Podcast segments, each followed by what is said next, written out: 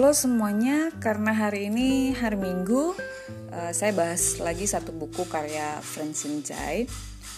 Kali ini kita nge-review buku yang mungkin berguna buat kalian yang sering ngerasa rumah atau kamar kita nggak sampai sempit amat, tapi kok sumpek ya.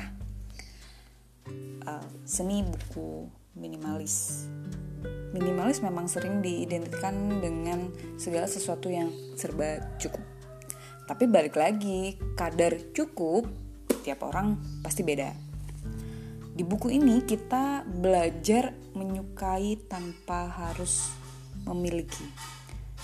Kayak macam jomblo ya, mencintai tanpa harus memiliki. Sepertinya memang kita harus belajar pada dia. Meskipun jujur, pola ini pasti sangat susah untuk diaplikasikan. Dan saya pun juga baru belajar, belajar membedakan antara kebutuhan dan keinginan mana yang memang dibutuhkan dan mana yang hanya sekedar keinginan. Prinsipnya, dengan punya sedikit barang, stres kita pun berkurang. Bayangin aja kalau rumah kita banyak barang yang menumpuk. Ngeliatnya aja pasti bikin stres.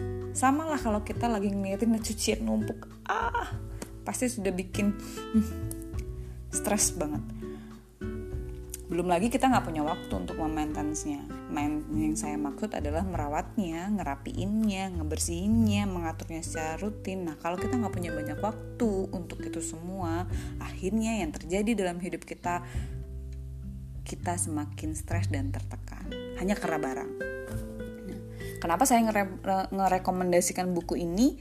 Buku ini cocok banget buat teman-teman, buat siapa aja, mulai dari anak-anak, remaja, ibu-ibu, mama, atau yang sedang boros, uh, sering belanja online, terus rumahnya berantakan banget, mau bersih-bersih, mau rapi-rapiin kamar atau rumah, buku ini cocok banget.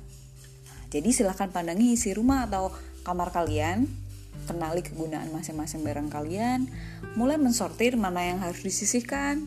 Gak gampang, tapi patut dicoba. Semoga berhasil.